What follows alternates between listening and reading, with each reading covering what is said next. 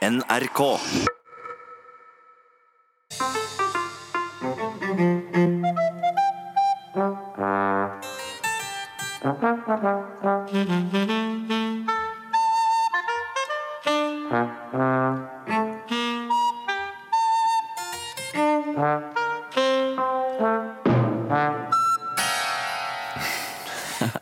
Dette her blir vi fortsatt godt humør av. Dette er andre gangen vi hører det. Det kom denne andre sendingen av Tastepriv med Bård Harald.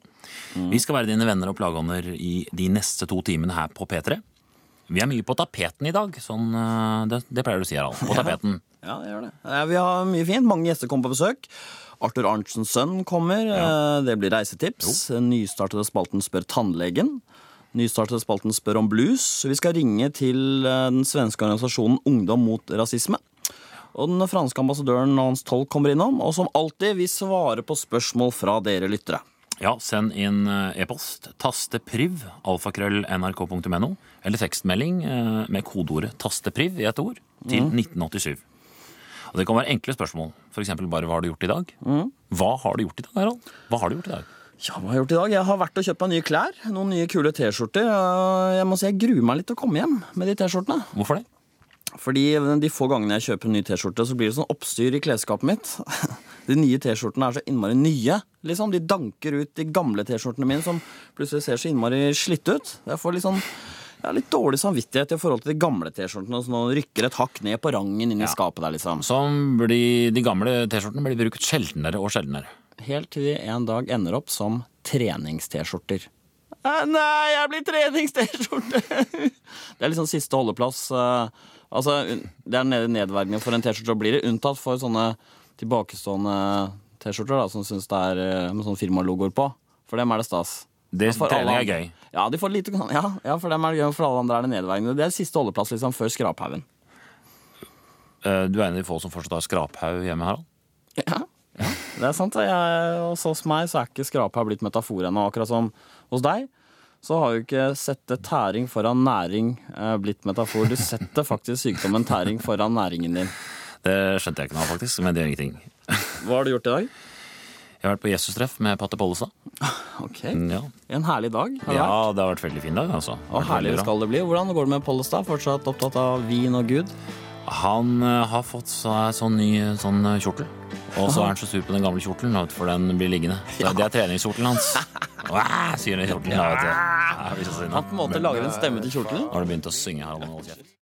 Det er i disse dager 60 år siden Frankrike ble befridd fra den tyske okkupasjonsmakt. Og I den anledning arrangerer den franske ambassaden i Oslo en utstilling om fransk etterkrigstid. Og velkommen i studio, Frankrikes ambassadør i Norge, Maurice Lesoin. Le château de Chenonceau. Han sier 'jeg takker for deres gjestfrihet', men det er, det er takk i en såkalt moderat form, altså ikke i en overdreven form. Han sier egentlig ikke takk engang. Han sier 'jeg er, jo, jo, jeg er i studio'. Skravl til meg om spørsmålstegn. Ok, Eh, Selvfølgelig også da velkommen til deg, tolk og fransk ekspert Per Ingemar Rørvik. Du skal oversette det den franske ambassadøren sier. Du vet, vet du Jeg foretrekker ikke tittelen oversetter, men ordet translatør. Okay. Det er mer presist. Det betyr at jeg transporterer det avsenderen sier, eh, fra et språk til et annet. Jeg putter på en måte fransk inn i en vogn, bygger det om, bygger det om og knar det til mottakerens språk. Jeg, vet du hva, jeg trekker tilbake det med transportør. Jeg foretrekker konduktør. I det, i et, et, et, språkkonduktør i det opprinnelige betydningen av ordet, nemlig togeieren, på en måte. At togfranchise-gründeren på en måte ville heller prestå. Du, du not noterer ned det du selv sier nå? Ja, dette er presist, uh, selv for meg, og klargjørende i forhold til mitt yrke, som da tydeligvis nå er Vi får gå tilbake til det som tross alt er hovedgjestene i dette programmet, den franske ambassadøren i Norge. Og jeg har lyst til å spørre, spørre dem, eh, Maurice Lesois, hvordan er forholdet mellom våre to land, Norge og Frankrike? Er du ferdig? Så, har du avsluttet setningssekvensen din? Ja. Jeg vil ikke begynne for tidlig, for jeg er helt sikker på at du er ferdig. Altså, det er en veldig komplisert oversettelsesprosess som krever både at jeg kan språk, at jeg kan kunnskap om kultur og samfunn, og har en følsomhet overfor sosial rang, og det, tross alt det klassesamfunnet eh, som det franske er. Standsamfunnet. at. Har de blitt skrevet om Jeg det? skjønner at uh, det er komplisert å oversette, men vær så snill, bare oversett det nå. Jeg spurte. Ok, jeg starter. Monsieur ambassadør, La du merke at jeg, jeg satte monsieur foran en ambassadør? Fordi det er, det er en spørrende form. Da skjønner han altså nå kommer det et spørsmål. Hør etter nå, sier jeg, på en måte indirekte. Nå kommer det en, en forespørrelse. Så å si- Du, hva var spørsmålet? Igjen. Jeg bare spurte om hvordan er forholdet mellom Norge og Frankrike? Må, for, forhold, kan du være mer presis? På norsk er forholdet et veldig upresist begrep. Franskmennene over 20 ord fra vårt simple ord forhold. Tenker du seksuelt? Hore, hallik, adopsjonsforhold? Tenker du forhold i betydning av den svake fornemmelsen av velvære rett før det forhold? Ikke Er det, er det et- altså forhold Jeg tenker rett og slett på relasjonen mellom våre to land. Det var et interessant spørsmål. Jeg tror forholdet mellom våre to land er gode. I etterkrigstiden har Jeg vil veldig gjerne at ambassadøren forsvarer selv. Du ville. Ja. Mons... Men vet du hva jeg gjør? Jeg flytter ordet i forhold til slutten av setningen. For uvinnelig tid så du fortenkte om så lenge. Jeg oversetter foreløpig bare resten av setningen. Jeg starter nå. Monsieur ambassadør, c'est la norvégienne de France Nå må han ha løsningsordet! Hva slags forhold sikter du til? Fort, da! Forholdet betyr en relasjon, liksom. Er det gode relasjoner? Var det så enkelt? Da det. Monsieur ambassadør Si la France est le Nå har han begynte å svare. Dette er typisk. Han var utålmodig. Han ville ikke vente på løsningsordet ditt. Dette er Sør-Frankrike. Eh, Dette er umulig å stoppe. La meg prøve. Kitty! Skille deg sønder over hår! Ciao! Der, ble han stille. Faktisk. Hva var du sa til han nå, egentlig? Jeg sa 'kjære sønn av en hore'. Man må bruke såpass sterk lut for å få ham til å skjønne alvoret. Både vennlig, kjære, krass, sønn av en hore. Oi. Hva er det som skjer nå? Nei, jeg visste ikke at jeg hadde så den franske nasjonalsangen. Jeg synger 'Reis deg opp, reis deg opp'. Okay. Mitt fosterland, jeg vil avlives for deg. Er det, da er du død. Teksten er vel Nei, nei. Jeg vil herde Må være hedre. Hedre, kanskje? Så heis det franske frakk. Frakk. Det er jo flagg, er det ikke det? Frakk og flagg er det samme ordet på fransk.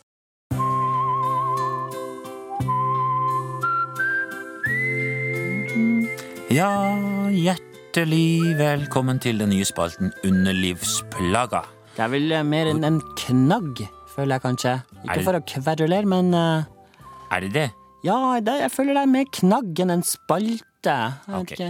Ja, hjertelig velkommen til den nye knaggen Underlivsplaga. Det er en knakk. Jeg hører det nå. Det er ja. I eh, underlivsplaga så skal vi istedenfor å fokusere på gleden ved underlivet, heller fokusere på problemene og plagene ved underlivet. Og de er det ganske mye av. Det er nok å ta. Underlivet er et av de rikeste områdene for ubehag, bekymring, smerte, soppinfeksjon, sårhet og ikke minst utflod.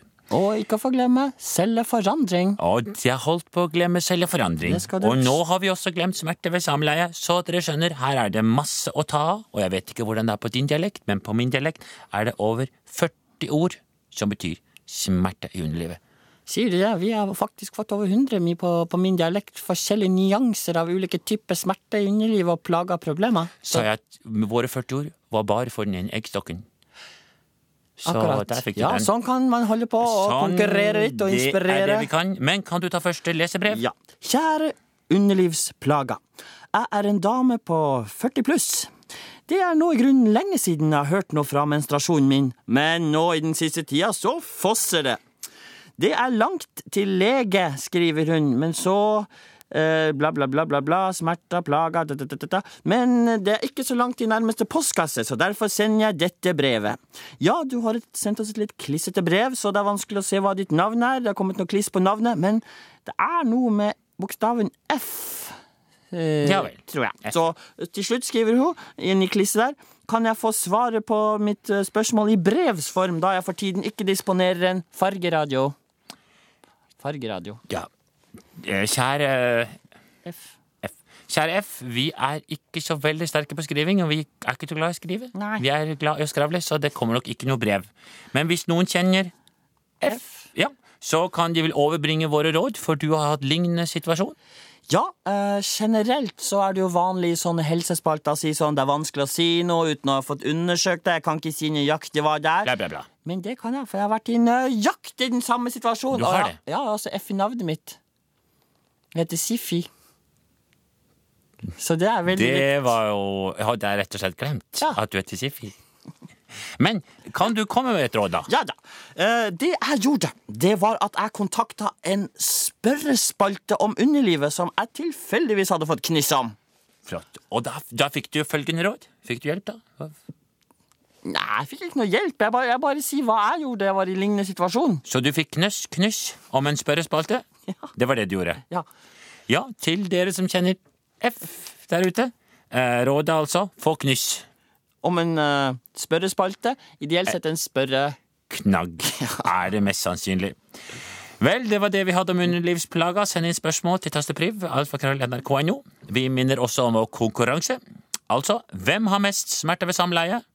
Er det A, som å ha en spikermaskin som skyter i jevnt tempo? Eller er det som å få kniver som vriser rundt og rundt der inne? Eller tre, som å få en flaske Plumbo? Ja, Vi har ferdigstilt alternativer for de ulike smertetypene. Ja, vi har det. Vel, vel, det var det vi hadde. Det er snart to måneder siden Notodden Bluesfestival gikk av stabelen. Det var fulle hus, god stemning på denne festivalen som samler blueselskere fra hele landet. Og ambassadør for Notodden Bluesfestival, bluesambassadør Geir Skarsvåg, velkommen. Hallo, hvordan går det, Skarsvåg? Klart. Ja, flott. Velkommen. Ja, ja. Ved siden av eh, bluesambassadør så er du også leder for prosjektet Ungdom og blues. Ja da, ja da, ja da. Du skal øke interessen, ja. Flott, det er du. Det er ganske kaldt der ute, og jeg hører du hoster, og du burde vel ikke gått med skinnvest rett på bar hud? Nei, det er masse, masse. Nei, så det er du enig i, og du burde heller kan, også kanskje løsne litt på det lisseslipset ditt. Jeg ser at det er veldig stramt. Det er, det er veldig. Hold kjeft bare Ja, jeg skjønner. Vi skal ikke, greit, vi skal ikke snakke mer om det. Men du er her fordi du er bluesambassadør og opptatt av at det bør spilles mer blues på norsk radio og TV, sånn at ungdom blir mer opptatt av blues. Ja! Ja vel, du er så, så ivrig på det. Ja, greit. Hvorfor er det så viktig å spille blues for ungdom? Hvorfor er det det? All musikk kommer jo fra bluesen. All musikk ja, det, det har jeg også hørt før. Ja. Oh yeah! Ok, det kommer fra bluesen. Du er en ekte blueselsker. Kommer rock fra bluesen? Ja, ja. Hva annet kommer fra pop? Kommer det fra bluesen? Rock, Kommer- blues, pop. Bluespop? Kommer det Jævla fitlegurv. Ja, du, Dere er veldig grove i målet på oppe i Notodden Bluesfestival der. Og, og, og dårlig helse òg, altså. Eh, altså. Mitt inntrykk er at det er mye fyll og røyking der oppe. Ja, ja. Kukkekukk. Eh, det, det røykes veldig mye der. Uh, Blues og tobakk. ja, det hører sammen, ja. Akkurat som blues og rock, så er det blues og tobakk. Det hører sammen. For det er mye rulling av røyk der oppe. Notodden rullefestival. Ja, det er jeg enig i. Det er like mye en rullingsfestival som det er bluesfestival.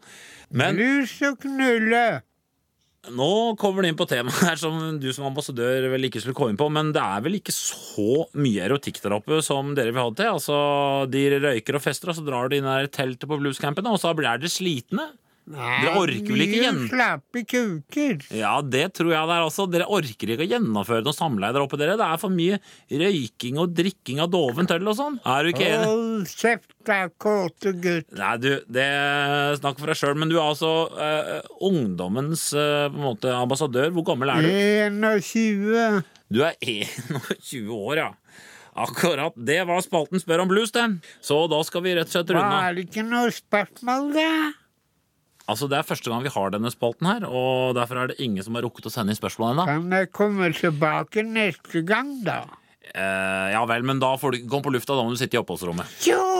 Ja, flott. Du blir så glad. Ja, Takk for at du kom likevel, og lykke til videre i livet ditt. Hold kjeft, da, fittegutt. Nei, du, dette her er veldig grovt. Ja, hjertelig velkommen alle sammen til Vidar og Jan Tores spalte Leseglede. Velkommen til deg også, Vidar.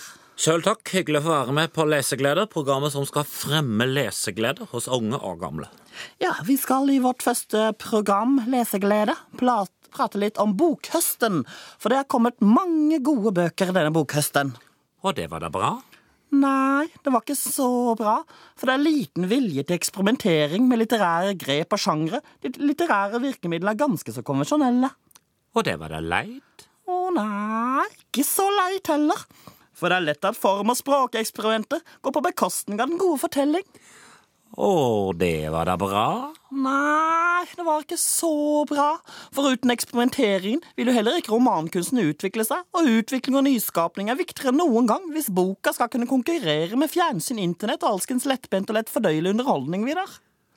Og det var da leit, da. Nei, ikke så leit. For boka kan aldri konkurrere på fjernsynets premisser. Romanen vil måtte hevde sin egenart. Den vil alltid, og jeg sier alltid, ha en viktig plass i enhver kulturnasjon. Og det var da bra?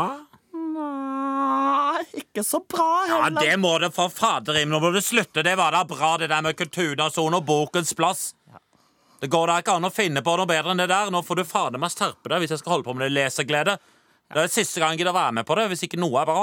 Ja vel, det var leseglede for første og aller, aller siste gang. Det var da leit, det, da. Nei, det var ikke så leit, for da kan vi lage det motocross-magasinet jeg heller vil lage.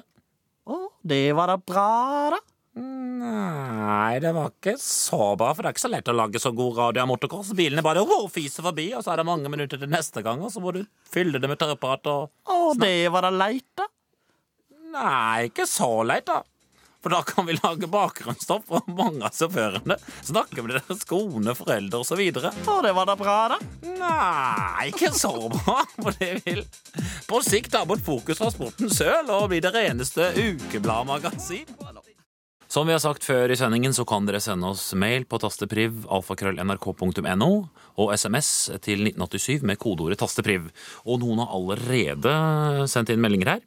Og det er André Starheim. Han skriver Jeg sitter nå her på jobb, og han skriver på dialekt. Og lurte, og lurte jeg nå på om dere kunne svare meg på hvorfor Harald Eia er så tynn i håret. Er det en naturlig hårfelling, eller er det noe spesielt som har ført til dette? Med hilsen fra André. Ja, altså Aller først må en liten kommentar til dette spørsmålet. Er det greit å peke på og fleipe med at jeg mister håret, tydeligvis? Som, noe som er helt utenfor min kontroll.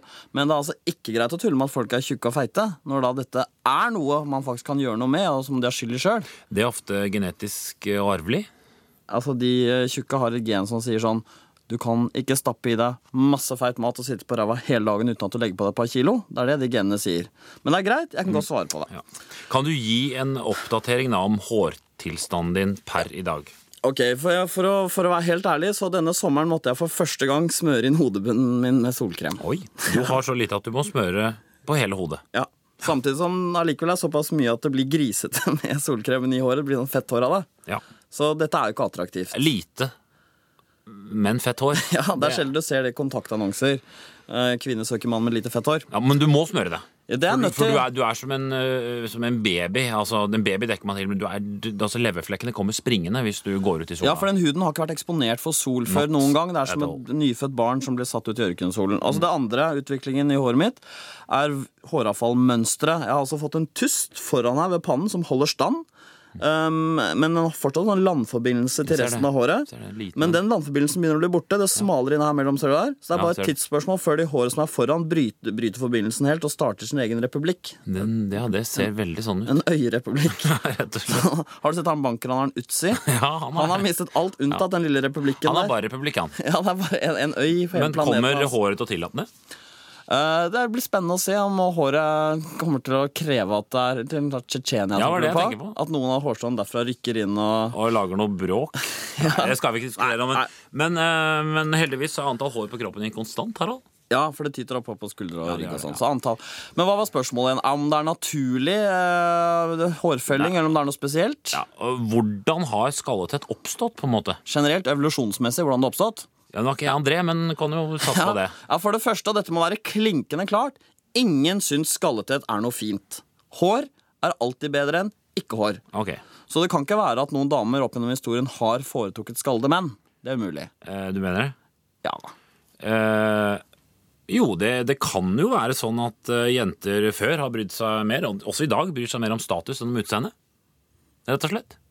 Altså, det forutsetter jo da at skalde menn i gjennomsnitt hadde høyere status enn ikke-skalde menn, og at de er mer vellykka jegere og ledere. Eh, Kan ha vært sånn før. Dette er jo nok en gang, dette er de skaldes livsløgn. De fremste lederne er jo folk med mye hår. De skalde de er først og fremst lojale bakmenn. De, de, er ikke, de skalde er ikke noen vinnere. Den forklaringen faller. Forklaringen er at skallthet er en sykdom som ikke er blitt sjaltet ut fordi folk fikk barn da de var yngre før. Altså I steinalderen var de 19-20 år gamle, og da er det jo ingen som er skalla. Veldig få. Skalletheten kommer seinere, men nå, i vår tid hvor folk får unger når de er rundt 30, og er, mennene er skalla, og den skalletheten syns, så vil damer velge de med hår fremfor de uten. Dermed vil de skallede sakte, men sikkert dø ut, Bård. Så din voldsomme påstand er at evolusjonen vil som sørge for at om 1000 år så vil det ikke være noen skalde igjen. Dine barnebarns barn vil ikke få pare seg. Jeps, det er det jeg sier. Du er den siste eia, Harald. Jeps. Er det si? Det, det er like greit. Mine gener har ingenting i menneskehetens genbasseng å gjøre, Bård. Dette var veldig veldig oppklarende for meg, Harald. Det, du er et stort menneske, Harald. Et stort, lite, skallet menneske, Bård. Det er du. Det er du også. Med veldig lite fett hår. Ungdom mot rasism. Hallo, mitt navn er Bård Tufta Johansen. Jeg er en ungdom som jobber på en godisaffær her i Stockholm, og jeg selger glass og sokkerdrikke. Ok, Og jeg ringer nå for at, eh, derfor at jeg vil rapportere tilfelle av rasisme og diskriminering. ok. Uh, ja, jeg vet ikke om- du kan høre det, men jeg er ikke født og oppfostret her i det såkalte tolerante og vennlige Sverige. Jeg kommer inn fra Skien, som ligger i grenlandet Norge. Ja, just det. Ja, Um, og jeg har ikke vært så uoppmerksom på det her før, men svensker har et stereotypisk, eh, har stereotypiske forestillinger om at vi nordmenn er dumme. Eh, ja, så det skjemtes mye om det, ja. Ja, ja. ja blant annet den, den latteren der kjenner jeg igjen, og la meg komme med, altså jeg kan jobbe på altså, en godisaffære, jeg kan komme med eksempler som verifiserer eh, mine anklager mot svenska samfunnet. Altså, til eksempel da, hvis du har tid et minutt, jeg står i godisaffæren. en kund kommer inn og så sier jeg, vær så god, min gode mann, hva kan jeg stå til tjeneste med i godisaffæren i dag? Ja. Um, så sier han en sockerrika sier han. Så sier han ja, du er norrbagge. Og så svarer jeg sa han, han, vad sa han? Du är? Du er norrbagge, sier han. Okay. Og så svarer jeg vennlig tilbake Unnskyld, jeg vet ikke hva norrbagge er, men i fall du virkelig undrer, så er jeg nordmann. Kom fra Skien i Norge, mitt len er Telemark. Og så der. Uh, uh, for, for det som er saken er at vi nordmenn imellom, vi kan kalle hverandre norrbagge. Altså, men når, når svensker gjør det, så blir det fel. Henger du med om det? Ja, precis. Jo, det. Altså, hva, hva, hva, hva er du fra? Jeg er fra från Colombia. Ja, jeg kan ikke kalle deg sot uh, skit colombiansk, men du kan kalle din venn det, inte sant? Ja, precis. Henger du med om det? Det är sant. Ja. Så om inte det är nog så börjar kunden, eh, och många kunder, de börjar, bör- börjar med så kallade norrmänvitser. Norrmanvitser. Var, till exempel den här. Vet ni varför norrmän eh, har öppen dörr på toalettet så att ingen ska titta genom nyckelhullet? Jaha. Okej. Okay. De spelar på att vi norrmän är dumma. Ja, precis. Vet du hva som står i botten på norske simbassenger? Røking forbjudet. Ikke sant? Dumma, dumma. Okay, Ja.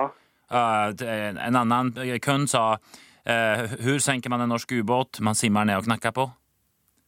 Så, Va? så, som spiller på at nordmenn er så dumme at de åpner døren i en ubåt.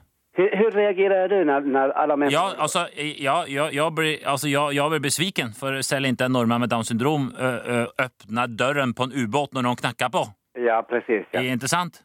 ja, det är sant. Ja. Ja, jeg sier ikke at det ikke finnes dumme nordmenn, uh, for det gjør det jo. Men at alle skulle være dumme. ja, men det finns i, inom alla nationaliteter. Så jag menar, Ko är inga... colombianer, masse Ja, det dumme finns ju där också, så jag menar det är inga, um, det är inga skillnader. Jeg undrer, har de noen gang vært i Norge? Har, tror du de har det? Eh, jag tror inte det.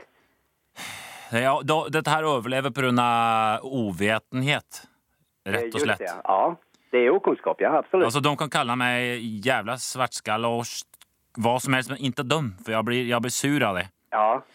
Så jeg er litt sliten just nu, orker ikke jobbe og selge sokkerdrikke. arbeidsplassen, Norrbagga! Vem var det som skrek deg? Det var min sjef.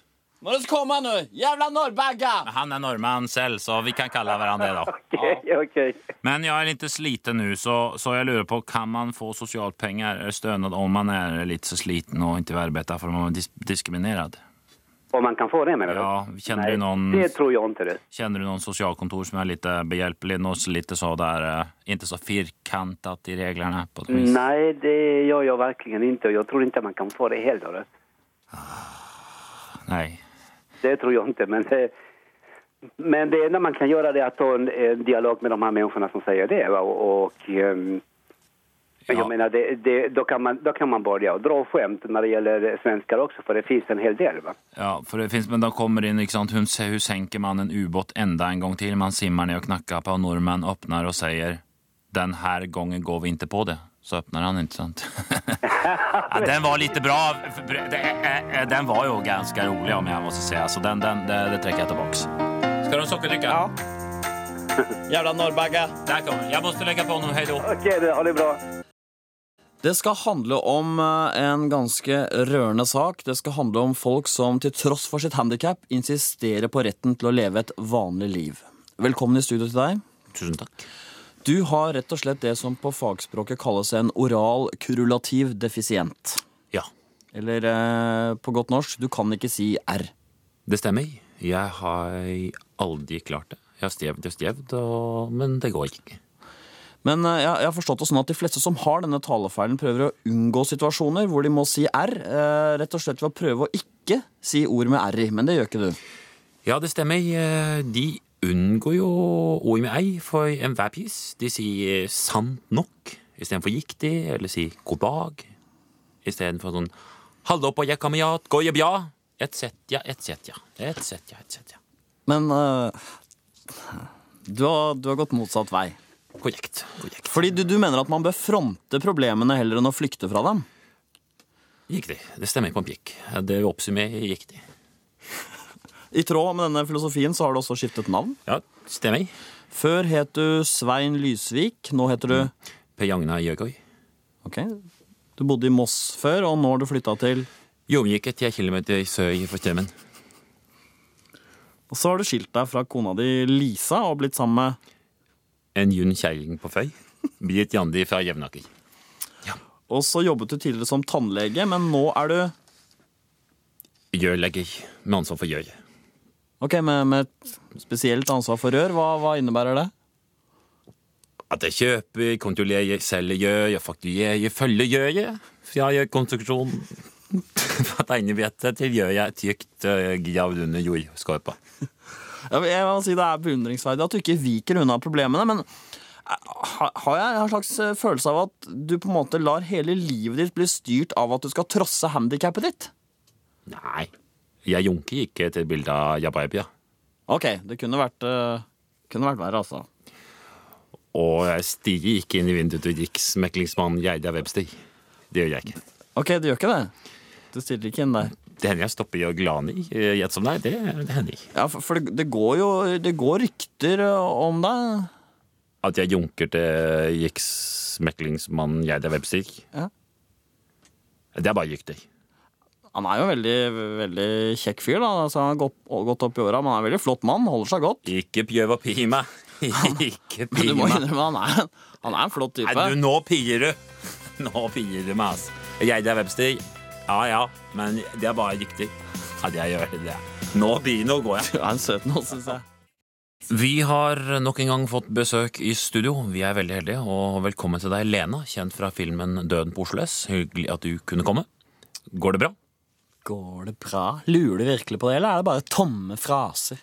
Du er lei av tomme fraser? Jeg er så sliten av alt tompreiket. Politikerne bare preiker og preiker. og Bystyret har blitt bedre i det siste. Den første til å innrømme Samarbeidet med Høyre og Frp ja, har blitt bedre enn frykta. Men Men Lena fra Døden på Oslo eh, Du har fått deg jobb. jobb og jobb. Møter opp et sted, gjør noen arbeidsoppgaver som er skrevet i en arbeidsinstruks. Får jeg penger inn på konto en gang i måneden. De penga får beinet gå på, de strekker ikke til. Fatter ikke hvor det blir av alle pengene. Jeg lurer på om jeg faktisk bare bøffa på en 500-lapp og sats her om dagen. Du trener på sats. Bygger ikke. Bare strammer meg litt opp. Jeg er tross alt 39 nå. 39 nå, mener jeg. Begynner å merke åra. Fy fader i helvete, sånn tida flyr, egentlig. Det er 29 år siden jeg bøffa mine første slacks. Og 27 år siden jeg fikk uregelmessig mens for første gang. Greit, nå dette. Nå var du inne på noe, for det. Du jobber altså nå for RFSU, Ja. og, som selger kondomer og driver med seksualopplysning for ungdom. Eh, Hva er det du gjør for RFSU? Jeg er med å spre informasjon til unge mennesker om at man må være flinkere til å bruke kondom, og dermed unngå uønska graviditet og uønska kjønnssykdommer og sånn. For ungdom er slurvete når det gjelder bruk av kondom fortsatt. Ja, fy fader. De slurver noe utrolig. De lar det bare stå til. Gi blaffen. Jeg er trøtte. Gidder ikke. Hva med deg, Lene? Er du flink til å bruke prevensjon? Fader, jeg er også slurver, vet du. Lar det skure. Lar det stå til. Samme det. Ofte så trøtte. Jeg gidder ikke. Er det ikke litt betenkelig at du, du som er ansatt i RFSU selv, er ganske slurvete når det gjelder bruk av prevensjon? Fy fader, for et frekt spørsmål. Trodde ikke du var sånn. Nå skuffa du meg. Du er akkurat som de andre. Altså, privatlivet mitt det er et kaos. Uønska graviditeter og aborter. oppe i mente. Både spontane og vanlige aborter. Fy fader, for et rot det er. Ok, det er bra. Jobben, da. På jobben er jeg dødsdreit. Leverer inn halvårsregnskaper og kvartalsrapporter og hele tida. Dødsviktig at aksjonærene får et realistisk bilde av den økonomiske situasjonen i bedriften. Og styrets beretning. Det er mitt ansvar. Nei, Så du er opptatt av økonomi og ledelse? ja. Brønnøysundregisteret er dritfornøyd. Ja, ja så du er opptatt av sånne ting? Ja, jeg er blitt det. Hvem er ikke det? Ingebrigt Sten Jensens Ona fyr syns jeg er dritbra. Gjør du det? Det var bra. var en, en annen bok som har betydd enormt mye for meg. Hvilken bok er det? Fortsatt gift med Gro. Arne Olav Brundtland. Oi, den er du jo glad i, altså. Ja, fy fader i helvete, for en type han er. Har han vært med på han Arne Olav? Han har sett. Den ligger alltid nederst i veska mi, sammen med noen tamponger og donger og bind og pesar og sånn. er så. Ligger slengt nedi båten. Fy fader, så ålreit det er å preike med jeg Jeg er jævlig tiltrukket av Du er ikke som de andre. Annerledes. Så ålreit å preike med. Okay. Er det streit for deg at de bare ligger inntil hverandre, ikke knuller Nei, med deg? det Det er- er så slurvete med kondom. Det er så kjedelig å ta det på. Jeg mister lysta. Ja, det er greit. Det går bra, det. Du, jeg kan godt suge deg. Har ikke noe lyst mens du maser, så. Kanskje jeg ikke gidder å høre på preiket ditt og bare gjør det for å slippe å høre på. Faen i helvete! Hva er det for noe? Kom akkurat på noe. Hva da? Jeg akkurat kom på at jeg har hatt samme tampong i meg fire uker nå. Har du Jeg må bare komme meg hjem fra jævla stedet. Fy fader, du er akkurat som de andre likevel. Ikke det kan det det. akkurat som de andre igjen nå. det. En godt jo suger. like i stad som var helt topp. Ja, men det forandrer seg hele tida. Jeg veit ikke hva det er. Jeg kan godt suge hvis jeg gidder å høre på Nei, jeg har ikke så veldig lyst, jeg. Fader i helvete! Hva er det for noe nå, da? Jeg har glemt at jeg smugla heroin og kondomer. Nå kommer de visst ut her alle som en. For et jævla stress. Ja, det var veldig mas av deg òg. Lykke til med RFSU. Skal ha Pelle. Og vi har fått en eh, gjest inn i studio. Velkommen til deg nok en gang. eh, Knut Jørgen Ødegård ved Astrofysisk institutt, Universitetet i Oslo. Tusen takk. Veldig hyggelig å få komme hit. Spesielt i dag hvor det skjer så fantastisk mye over oss på himmelen. Ja, hva, hva er det som uh, skjer i dag? I dag. Planeten Venus kommer til å suse rett inn i månen. Skikkelig krasj. Det mest utrolige syn noen gang. Neste gang vi kanskje ser om 1000 millioner år. Neste gang. Neste gang det skjer. Så det er utrolig at vi, vi, vi får oppleve det. Det er jo synd på en måte vel at det er overskyet akkurat i dag, da. Ja, ruskevær, dessverre. Jeg blei så skuffa da jeg sto opp i dag morges og så det ruskeværet. Det var jo i dag morges du ringte til oss og sa det skulle bli, et, eh, bli en kollisjon mellom Venus og månen. Ja, jeg glemte å ringe og kom på det da jeg så ruskeværet. Men møt opp på Universitetet i Oslo. Så sitter jeg i min spesialsikkert og som kan se gjennom synet. Så kommer jeg til å forklare alle tilstedeværende hva som ser. Ta gjerne blir litt saft, for jeg pleier å sitte med munnen åpen når jeg ser kikkert, og da blir jeg tørr. Du, du, du, låner, ikke, du låner ikke bort uh, kikkerten din, det er bare du som får se. Skulle gjerne gjort det. Men som sagt, kikkerten min er spesialbygd, for jeg har skeive hornhinner. Og jeg har fått faktisk veldig veldig streng beskjed fra øyelegen min om å ikke låne bort. For da kan folk bli svimle og eh, hovedsmerter hodesmerter. Ok. Uh, Dessverre. Dette håper jeg du skjønner. jeg, jeg, jeg er den første som skjønner Det skjønner Jeg, Men ta med saft. Jeg fikk med deg. Ja, ja. Ja. ja snusa jeg borti mikrofonen. ja, Du har lange br- briller. Du, vi har fått inn et spørsmål eh, fra en lytter på mail til deg, Ødegaard. Så supert. Det var snikt. Den er fra Sissel Martinsen fra Røros. Hun spør Det er sikkert spennende å studere stjernehimmelen, men for oss vanlige folk har den, eh, den altså astronomi, vel liten nytte. Liten hytte. Altså, jeg skal fortelle deg. Siri eh, Martinsen. Martinsen fra Røros. Hvor nyttig astronomi kan være. La oss i farta ta et eksempel. Du er ute på en reise, f.eks. en oppdagelsesreise, skal finne en skatt, eller hva det er. Dra gjerne til fjerne himmelstrøk hvor folk er ganske så uopplyste. Aztek eller syrer, eller sa, samer for den saks skyld, hvis du skal til Finnmark. Som har nok med seg å sitte, som aldri har sett noen hvit mann. Og så burde du tatt til fange. Ikke sant? Du, de, de surrer deg fast en totempel eller stokk eller noe, og skal tenne på deg. Oi, det er såpass, ja. Ja, for det, det, det kan skje. Og så skal de drepe deg. Men fordi du har studert astronomi, så kommer du på at om ti sekunder så er det en solformørkelse. Og da sier du rett før de skal drepe deg Nå! Fordi dere har tatt meg til fange, kommer gudene til å bli sinte, og sola slukner. Ja, det, og da sier de Men blir litt usikre, skjønner du. For de er jo De er jo overtroiske. De tror jo på masse guder og sånn. Ja. Men de slipper meg ikke fri. Men da bare, kan du bare løfte armen. La sola bli mørk fordi dere har fanget selveste Ødegård! Hvis det var meg, da. ja. Og da blir det mørkt. Det blir stummende, helt stummende mørkt, og de blir kjemperedde.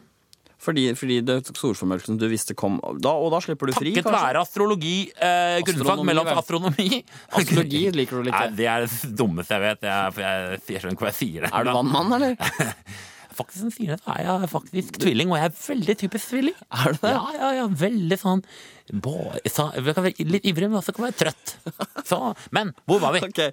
Du slipper fri da fra dette primitive folket som Ikke bare fri. for- De kårer meg sannsynligvis til konge, æreshøvding, sånn som Erik Bye eller noe, og jeg får gifte meg med prinsessa, forklart. Oi. Og få druer sluppet ned i munnen fra ti centimeter folk.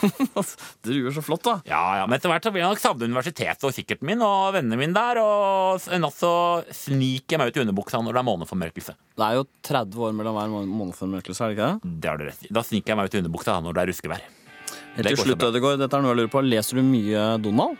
Eh, Jeg gjør det. Jeg leser alltid Donald bort fra Pluto. Reine Pluto-historier, det gidder jeg ikke. Hvis Mikke og Langbeina med, så kan jeg til nød lese Pluto. Det var det for mye snakk om Donald på slutten. Det er fint, det. Og vi har fått enda en gjest her i studio. Det er veldig gøy, for eh, for tiden så pågår jo Paralympics. Det går av stabelen i Aten. Og Einar Vereide, du er kritisk til mediedekningen du, av de olympiske lekene for handikappede. Ja, altså, jeg er kritisk til hvordan eh, NRK dekker dette arrangementet på fjernsyn. Ja, for NRK har gjemt bort kan vi si, Paralympics etter Kveldsnytt etter 23. Ja, det, det er grunnen greit. Verre, langt verre er er at det er så kjedelig å se på Paralympics. Du syns det er kjedelig? Så, altså, som idrett betraktet, så er det jo, det er jo fullstendig verdiløst. Jeg, jeg, jeg sitter og ser på rullestolbasket, det er masse dultning, det går i et veldig lavt tempo i forhold til ordentlig basket. Altså, jeg får assosiasjoner til radiobilkjøring mer enn til ordentlig idrett. Skikkelig Men- men du- nedtur etter det fantastiske OL eh, som var i Aten. Dette er så gørra kjedelig å se på det handikapidretten. Dette er mennesker som trosser sine skjebner, da. Ja, Altså, De har jeg. kjempet seg fram Ja, til tross for handikappet Ja, sitt. dette, du må ikke tro at ikke jeg vet om alt dette, all den kampen som ligger bak. Det ligger like mye trening bak eh, det de gjør, som toppidrettsfolka. Ja, men det er mulig det. Kjempebra for dem. Hurra, flott. Men det er kjedelig å se på. Det er like forbanna kjedelig å se på. Flott innsats, Du lar, hurra! deg, du lar deg ikke imponere av innsatsen som ligger Altså, bak? kjedelige filmer. Det ligger masse arbeid bak det. Stygge hus. Herregud, så mye innsats det har vært der. Dataprogram som feiler. Ligger masse Radiokanal, radiokanal kanal 24. Som, sånn som det suger, men det er massevis av beinhard jobbing bak. Jeg, skj jeg skjønner hvor du vil. Så mye innsats er ingen garanti for kvalitet, det er det du prøver å få fram. Ikke sant? Tenk på P2 her på NRK, programmet Kulturbeite, hvor enormt mye planlegging, opptak, redigering, møter, nye, nye runder, kaffe Så blir det likevel Kjempekjedelig! Ikke til å tro det. Merkelig fenomen. Så få bort handikap-OL fra TV før jeg kreperer av du, du har selv et handikap. Ja, det, det stemmer. Du mangler noe som heter empati. Ja. Det stemmer, det mangler jeg. Uh... Mangel på empati har ødelagt mye for deg. nei, jo, det har, det har vel det, men vi er en fin gjeng uten empati som holder sammen. Norsk Empatimangelforening. En kjempegjeng. Og dere skal ha idrettsstevne dere også i helgen. Ja, det skal vi. Hvor da? I Førde. Vi skal idrettsstevne i Førde torsdag, fredag, lørdag, søndag. Bør jeg komme og se på? Det, det er kjedelig. Ja, det er det. Det er kjedelig, Men det er mye hardt arbeid bak. Nei, hva er vitsen med det? Selv om folk jobber ræva, så er det like kjedelig å se på fred. det. er min Så dere bare møter opp og springer. Takk for at du kom, og lykke til. Det kan du bare drite. Da er det veldig stor glede for meg å ønske velkommen til den nye spalten Spør tannlegen, hvor det er anledning for nye lyttere å sende inn spørsmål til deg, Ingrid Taksdal. Takk, veldig hyggelig å være her. Ja, bra. Du har over 30 års fartstid som privatpraktiserende tannlege i Oslo. Eh, ja, jeg har holdt på nå siden 74 og har jobba både som skoletannlege og nå da som privatpraktiserende tannlege. Bra, da kan du nok svare på våre spørsmål. Og mm, Dette er jo første gang vi har denne spalten, og det betyr at vi eh, ennå ikke har fått inn noen spørsmål fra lytterne våre.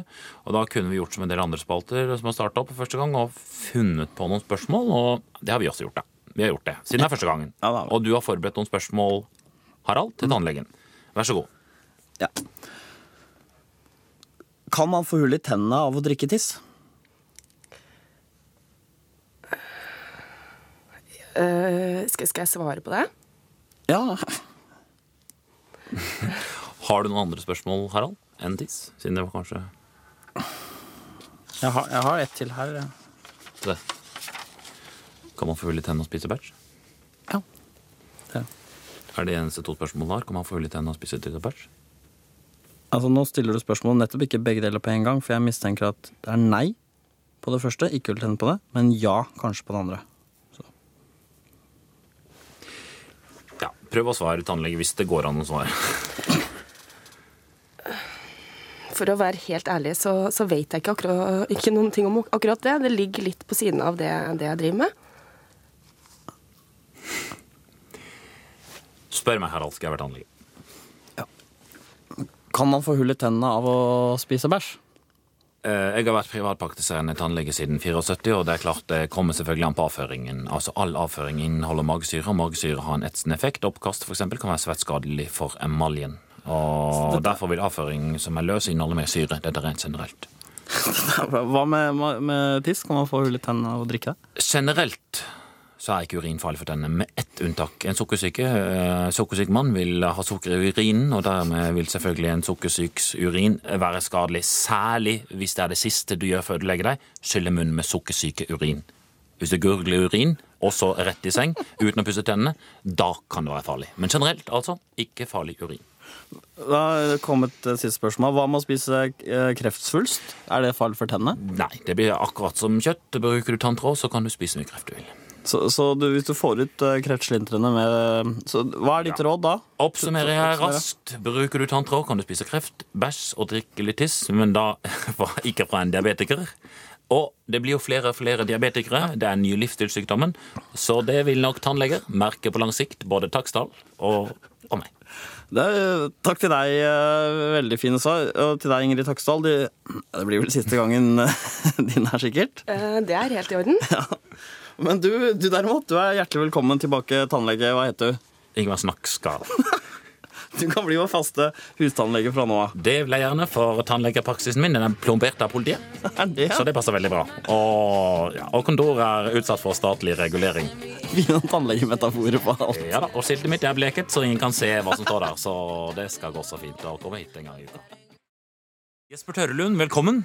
Check. Du er korrespondent for Danmarks Radio. Nordmenn flest vet jo ikke så mye om hva som foregår i dansk politikk. Nei, det stemmer. Jeg opplever at nordmenn ikke er særlig interessert i dansk politisk debatt, og det er synd. Ja, det er, det er synd, for det er jo synd og skam at vi ikke vi vet mer om den politiske debatt i, i våre naboland. Ja, ikke sant? Ja. Det er jeg helt enig i. Hva er det som debatteres akkurat nå? Akkurat nå i Danmark så debatteres det um, dette med vår tidligere statsminister Ove Ellemann Jensen. Hva er det som diskuteres med Uffe Ellemann Jensen? Vi uh, diskuterer hvilken del av hans navn man skal ha mest trykk på. Om han heter Uffe Ellemann Jensen, eller om det heter Uffe Ellemann Jensen. Eller om det der, tredje alternativ, heter Ove Ellemann Altså ikke noe mer? Kommer det ikke noe? Jensen! Det er det dere debatterer. ja, Hvor står du selv i den debatten? Som eh, journalist så er det viktig at jeg er nøytral og ikke har noe eget uh, syn på, syn på saken og avslår hvordan jeg faktisk mener man burde uttale navnet Ove Ellemann Jensen. Ja. Du, du, men, men du mener tydeligvis at man skal ha trykk på Ellemann, altså det midterste navnet? Nei, Hvem har sagt det? Hvor, hvor, hvor i all verden? Nei. Jeg kan hverken kan eller vil gå ut med mitt private syn som journalist på hvordan jeg mener man skal si Hvorfor? Eller man Jensen. Eller jeg kan heller ikke si hvordan jeg mener man skal uttale navnet til Pål Nyrup Rasmussen! Oi, på Pål Nyrup Rasmussen, da var det Rasmussen, da. Nei, det Hvorfor Ja, hvorfor? Hvorfor er dette så viktig? Ha! Ha! Hvorfor? Det er som å spørre hvorfor er livet det verste man har. Er det det? Ja, ja. Ja, er det det? Ja, jeg, jeg har det ikke spesielt bra. Ha! Du, du, du har veldig svingninger i humøret. Du ler og gråter om hverandre. Ja. Det livet er det verste man har, Ja. plutselig så Takk. Takk for at du kom. Takk, eh, tusen takk for at jeg fikk komme. Bort Gå bort fra mikrofonen, er du snill. men, men jeg skal ikke si ditt navn høyt, jeg lover. Bare gå bort fra Jeg må ta deg bort fra mikrofonen. Gå Tofte bort. Johansson! Ja, dette er jo um, vignetten til spalten Fest borrelåsen, et program for deg som liker å reise. Og velkommen til deg, globetrotter Jens A. Skumfjell. Og hjertelig takk. Hyggelig. Hyggelig å være snart innom gammellandet. Det landet jeg har vært så altfor, altfor lite i. Så jeg alltid jeg vil være en fremmed fugl. Hvor er du fra, spør de meg. Da svarer jeg. I passet mitt så står det 'Kom fra Norge'. Men på klistremerket jeg har på sekken, så står det Sverige, faktisk. Jeg fikk kjøpt billig klistremerke i Sverige. Ja, Litt gøy av klistremerke, syns jeg. Og pins og vimpler og flagg og suvenirer som viser at man har vært ute og reist. Jeg har lyst til å ta opp igjen en tråd fra forrige uke, for, for, for du kalte Ta den opp, altså tråden. Ta opp den tråden. Jeg gjør det. Jeg I gjør det. forrige uke kalte du altså P2s reiseekspert Jens Risnes for en stuegris. Ja. Men, men jeg har undersøkt, han har jo nærmere 200 reisedager i året, da. Å, han har 200 reisedager! Å, det var mye med 200 reisedager. Alt under 250 er stuegris. Alt under 250 stuegris. Punktum. Hvor mange reisedager har du i året? Startprøvet her, 359 godkjente. Da snakker vi godkjente. Jeg har i tillegg en del gråsonedøgn. Ok, hva, hva, er, hva er definisjonen på et reisedøgn? Tja, ganske kort fortalt, du må bevege deg fra A til B, hvor bevegelsen er mål i seg selv. Så for eksempel hvis du sier mor, kan jeg gå inn på kjøkkenet og smøre meg en brødblings med peanøttsmør? Ikke et reisedøgn. Ja vel. Eller mor, jeg går ned i kjelleren og rister et polarbrød. Det er godkjent, eller? Nei. Men, men for eksempel, mor, jeg går over til Jens A. Risnes og låner et polarbrød. Godkjent? Tja, i gråsoneland. Okay, I dette- gråsoneland. Dette blir veldig komplisert, eller? Ja, det er veldig komplisert. Du kan lese mer om dette på reisedøgnreglene på globetrottersiden festbaralars.org. Den har vi fått, vært heldige å få den adressen. Det var, Bare Lars, altså. Ja, det var vi. Ja, Vi skal ta første reisebrev. Det er en uh, dame i Larvik som skriver 'Jeg har lyst til å dra til Praha'. Åh, Kanskje det er fordi jeg er en bra gutt. Jeg elsker Praha by. Er det ikke, er det ikke London? Men Praha, nydelig by. Flott by. Aldri vært der selv. Nei. Men hørt mye skryt. Mye godt. Eh, kanskje fordi er bra Altså, det er, det er en flott by. Er en flott. Har du noen tips til denne Larviksdamen som skal til Praha? Altså avreise fra Larvik til Praha. Jeg vet at Østlandsposten, største avisen i Larvik, har gratissykler. Da ville jeg tatt den eh, og syklet den til Horten.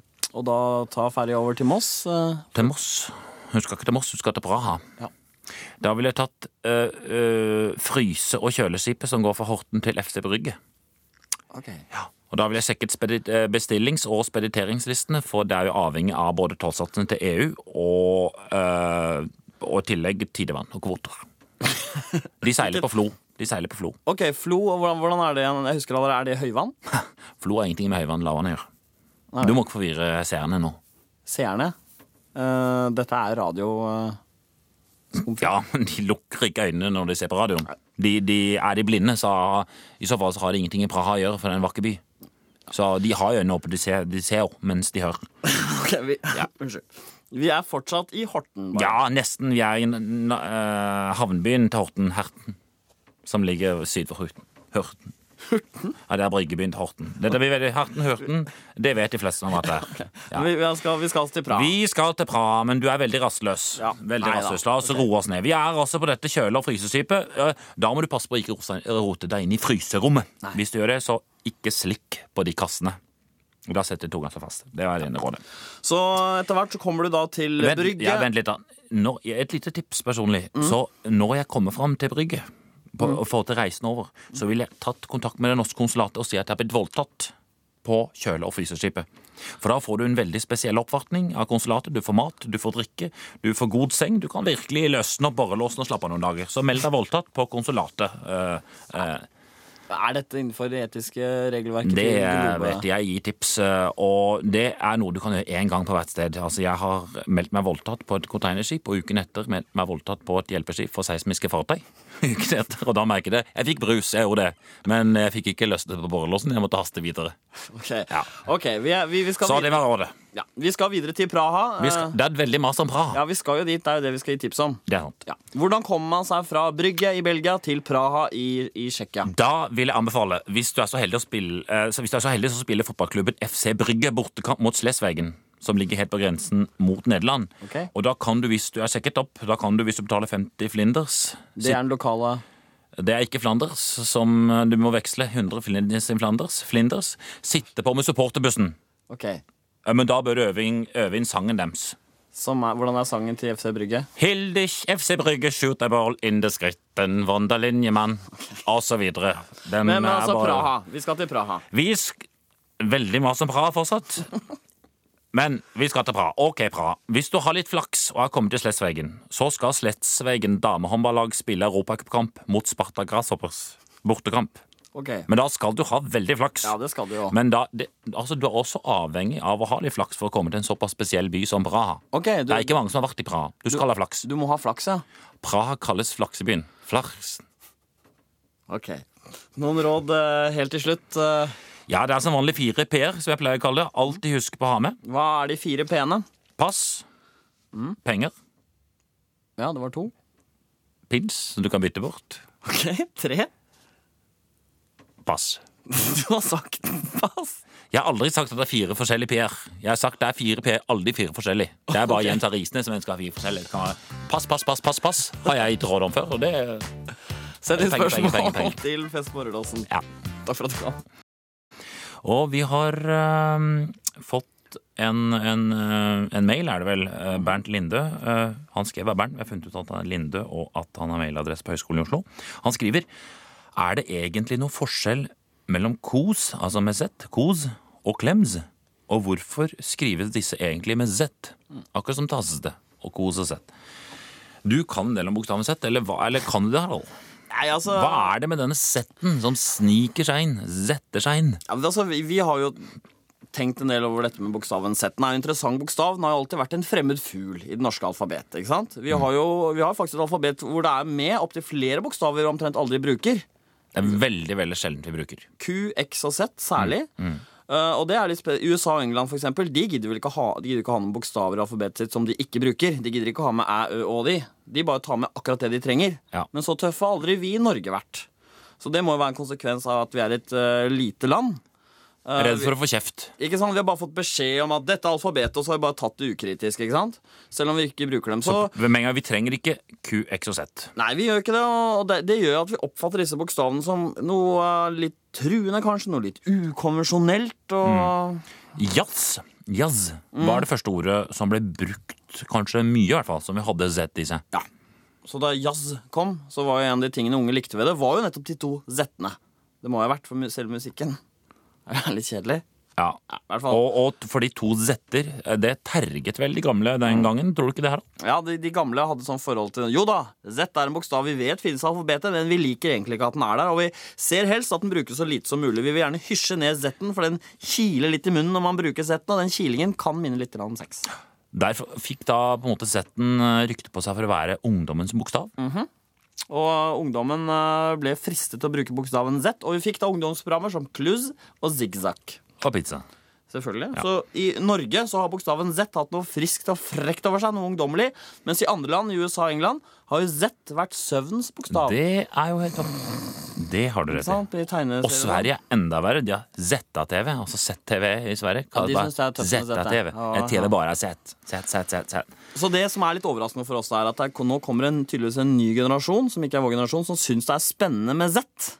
Mens vi i vår generasjon vi, ja, vi drar litt på smilebåndet av det. Av de som syns det er så spennende med Z. Og vi trodde vi faktisk vi var ferdig med det, men nei. Z-en er kommet tilbake. Akkurat som slengebuksen. -hmm. Akkurat. Så Z-en på kos og klems, det er, det er på en måte en, en klem og kos fra ungdom til ungdom. Ja, her er det ikke mora di som skal kose, liksom. Mm. Så det er jo noe ekstra grisete med at vi er vi taster på Mest-TV og sånn, at vi koser gutt 38. Og det er på en måte de gamle som egler seg inn på de unge. Det er som å ha voksne i ungdomsklær. Men jeg må si, vi, Bård, Ja. og jeg, vi er den fortapte generasjonen, Bård. For da vi var unge, dreit vi ut setten. Nå er setten tilbake sterkere enn noen gang. Og nå prøver vi å hive oss på med kos og klems Ja, og tastepre, og det er et ynkelig skue. Ja, det er det. Det er som om vi skulle begynt å rappe, på en måte. Ja. Nei, det går ikke. Så ikke inn, send inn flere spørsmål om Z. Det bringer opp mange vanskelige ting. Veldig mange. Jeg har lykke å rappe, da. Jeg skal ikke gjøre det. Vi har fått besøk humoristen og filosofen Arthur Arntzen. Han er ikke her, men han er en av våre mest etterspurte foredragsholdere. Og med sitt foredrag om humor og den nordnorske folkesjela så har han blitt veldig populær. Han er blitt så etterspurt at også sønnen til Arthur Arntzen har begynt å reise rundt og holde foredrag om filosofi, som vi kan kalle det. Velkommen i studio til deg, Arthur Arntzens sønn. Bjarne Håkon Arntzen heter det. Det heter du. Du reiser rundt og holder foredrag basert på din fars bok Det latterlige alvor. Det latterlige alvor Nei, nei, den heter ikke det. Nei, Jo, det tror jeg det var. Det mener jeg har skrevet her. Det latterlige alvor. nei det, het, det, det, det het noe med en motsetning. Det har du rett i. Latt, Ja. men latterlig alvor Nei, jeg tror det var Det redde gledeskyld. Eller Suicidale fniseknis. Jeg tror kanskje det var den kjempesinna smilegutten. Var det var det? det? Kjempesnær smil. Ah, Sant å si, så jeg er like usikker som deg. Men jeg er ikke, jeg er ikke usikker. Jeg, jeg, Vi jeg, har, to. jeg har det her måte Ja, svart på vi to vi er like usikre. Vi er som knoll og tott, vi to. Usikre knoll og totter. Det mener du, men Mm. eh, du er for å snakke om boka. Hvorfor har du ikke med deg boka? Du er veldig krass mot meg. Du er like krass som Anne Grosvold i det svakeste ledd. Du nå. Men jeg kan være krass sjøl, jeg. Vi to vi er krasse knoll og totter, vi to. Uh, eh, hvor, er, eh, hvor er boka? Til pappa. Ja, Til faren din? Jeg mista på toget. Er det tog i Nord-Norge? Men bussen er Nord-Norges tog. Bussen er toget. Ja, den er vårt tog. Hva er bilen, da? Bilen, den er Nord-Norges eh, Nord-Norges sko? Sko? Nei, sko. Nei, bilen er Nord-Norges tog. Det er tog, det. Altså. Ja, alt der oppe er tog. Ok, Så du glemte boka. Ja, for jeg skulle gjennom eh, bomringen med toget, og så la jeg eh, boka på dashbordet. Og så skulle jeg parkere toget, og så dumpa jeg, og så falt boka opp med noe rot som jeg har på forsetet på toget der. Du kjørte bil, da. Nei, det var toget. Du mista boka, i hvert fall. Ja. Det var poenget. Det ble et rot, og du har mista boka. Vet du hva, du, programleder Tass? Jeg skulle ønske jeg hadde en slags pølse med en åpning i den ene enden, med et stroppesystem som jeg kunne feste kanskje på ryggen, eller noe som jeg kunne putte ting oppi. Så tingene man hadde med seg, holdt seg sammen, liksom, Du- i du- en klump, ja, du- uten å måtte lime sammen tingene med en superlim. Man kan ta opp en og en ting fra den pølsen. Som Du skulle hatt en sekk. Hva da? En sekk.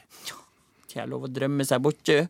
Den tingen du snakka om. Om ikke vi får det, så kanskje våre barnebarn, eller deres barnebarn igjen, får det. Han lille Flolle kanskje får det en dag. Flolle. Ja, men vet hva folk heter i framtida? Vi skal ikke dømme her og nå hva folk heter i framtida, om de heter Flolle eller hva, eller Fnukk eller Flilli. Nei vel. Og, og jo, det syns jeg. Jeg syns vi skal dømme, jeg. Lille krangleknoll og tatt, vi to. Vi elsker hverandre, vi to. Det skjønner jo alle som hører på. Ja, det er helt Ok, vi Minuttene går, så, du får ikke være her så lenge, så vi må forte oss. Vi skal snakke om foredraget du har om boka til faren din, Ja. som vi er litt e- enige om hva som heter. Du har kjørt noe du kaller tog, men som jeg tror er bil. Det er ikke så viktig, Nei. men det handler om nordnorsk humor. Ja, ja, ja, det er det. Ja. For noe av det sentrale poenget til faren din, Arthur Arntzen, er at nordnorsk humor har en, det er en Humor er en måte å overleve på. Og? Overleve på. Og over. Å overleve. Overle. Overleve. Nei, det har jeg aldri hørt. Nei, nei, nei, det Nordnorsk humor er ikke en måte å overleve på, så hva er det da? Det er en måte å love leven på. At man lover leven. Ah, kan, Det, nei, det kan, det vært, kan det ha vært å love reven på? Ja, det er det. Er en måte å love reven på. Det var en gang i Hoichai-provinsen i Kina at mennesket og reven levde side om side. Begge to syntes at musa var dumme. Men så var det en dag at keiseren Chuchai Wai befalte at jeg det. Og sånn var det at reven fikk hvit hale. Snipp, snapp, snute, faktisk. Min gode knoll og tatt-eventyr. Det er ute. Ikke ute. Det må jeg slå opp i boka til pappa. Det er allergiske håndflir. Eller var det rett og slett den Nei, du vet, Kan ikke du ta med boka neste gang? Lov å ta med, og kom neste uke.